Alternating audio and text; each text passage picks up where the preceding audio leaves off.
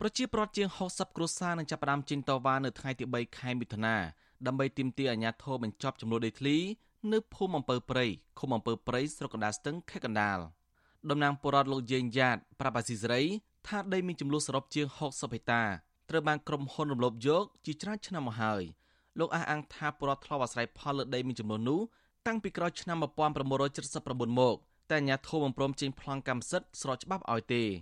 លោកបន្តថាក្រុមហ៊ុនក៏មិនបានចេញគោលការណ៍ផ្ដោតសំណងដល់អ្នកភូមិអំពើព្រៃដែរទើបពួកគាត់មិនសុខចិត្តមែនគេឲ្យស្អាតទេថាធ្វើវាមិនបានធ្វើវាបានលិចទឹកលិចអីទៅខាងលិចហ្នឹងយើងក្រុមហ៊ុនគេទិញទៅតើអញ្ចឹងគេតម្លាក់ទៅទៅតម្លាក់យើងធ្វើអត់កើតហ្មងព្រោះគេឲ្យមានឲ្យសំណងហ្នឹងបានឡើងទៅតវ៉ាបើគេឲ្យសំណងវាចប់ព្រោះយល់បាត់ហ៎ព្រោះថាឲ្យតែគេឲ្យតម្លៃសិនមកយើងវាមិនទាន់បាននិយាយគ្នាតែគេអត់មានឲ្យតម្លៃសោះព្រោះដីនេះដីនេះអត់មានប្លង់ទេតែវាអាចឲ្យតម្លៃមកសមរម្យមកប្រជាជនទទួលយកហើយ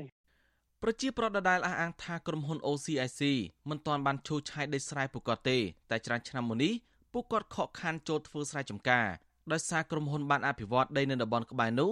បណ្ដាលឲ្យទឹកហូរលិចស្រែខួបប្រាំងខួបវស្សាអ្នកឃុំអំពើព្រៃបាននាំគ្នាចេញតវ៉ាកាលពីឆ្នាំ2018បន្ទាប់ពីពួកគាត់ទទួលដំណឹងថាដីស្រែច្រើនហិកតាត្រូវបានរដ្ឋាភិបាលដកហូតដល់គ្មានសំណងហើយត្រូវកាត់ទៅឲ្យក្រុមហ៊ុនសាជីវកម្មវិនិយោគក្រៅប្រទេសកម្ពុជា OCIC របស់លោកពងខៀវសែដែលជាអ្នកជំនួញស្និទ្ធនឹងលោកនាយករដ្ឋមន្ត្រីហ៊ុនសែន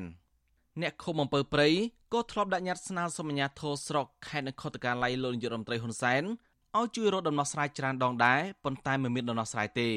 ពួកគាត់មានបំណងដោយអ្នករងផលប៉ះពាល់នៅឃុំផ្សេងទៀតដែរគឺស្វាគមន៍គម្រោងពលានយន្តហោះថ្មីតែចង់បានសំណងសមរម្យ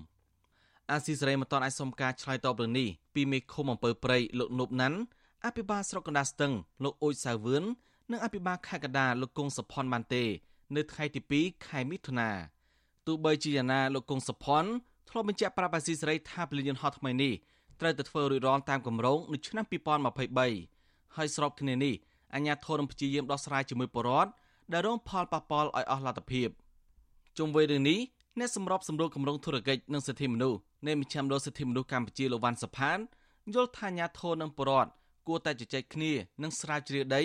ដែលមានដំណោះទាំងអស់នោះឲ្យបានច្បាស់ហើយរកដំណោះស្រាយសមរម្យមួយ។យើងនិយាយទៅតាមម្ដែងទស្សនៈចិត្តមនុស្សណាបាទអាហ្នឹងរដ្ឋក៏គួរតែមើលដែរគេថាបើសិនជាគាត់អាស្រ័យផលលើហ្នឹងហើយតែដល់ពេលមានបញ្ហាអញ្ចឹងទៅគាត់នឹងបាត់បង់ចំណូលបាត់បង់ទិន្នផលរបស់គាត់អញ្ចឹងដែលអាចទ្រទ្រង់ជីវភាពប្រចាំថ្ងៃរបស់គាត់អញ្ចឹងវាអាចធ្លាក់ទៅជាប្រឈមនឹងភាពព្រៃក្រអត់ចំណីអាហារអត់អីអញ្ចឹងវាបាត់បង់សិទ្ធិជាច្រើនដែលគាត់ត្រូវបានចំណូលពីដីហ្នឹងអាហ្នឹងក៏រដ្ឋត្រូវតែទទួលដែរ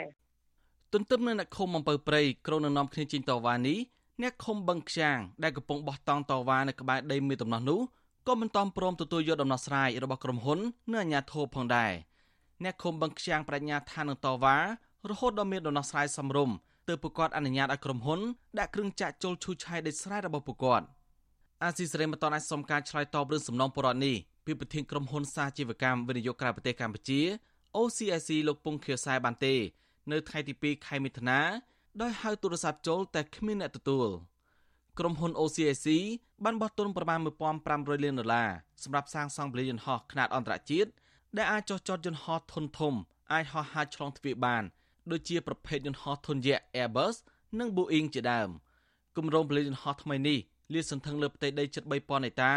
នៅលើឃុំចំនួន4នៅខេត្តកណ្ដាលនិងខេត្តតាកែវប៉ុន្តែគម្រោងវិនិយោគនេះ បានប៉ះពាល់ដល់ដីធ្លីពលរដ្ឋជាច្រើនគ្រួសារនៅតំបន់នោះ។ខ្ញុំសនចាររថាវិទ្យុអាស៊ីសេរីរាយការណ៍ពីរដ្ឋធានីវ៉ាស៊ីនតោន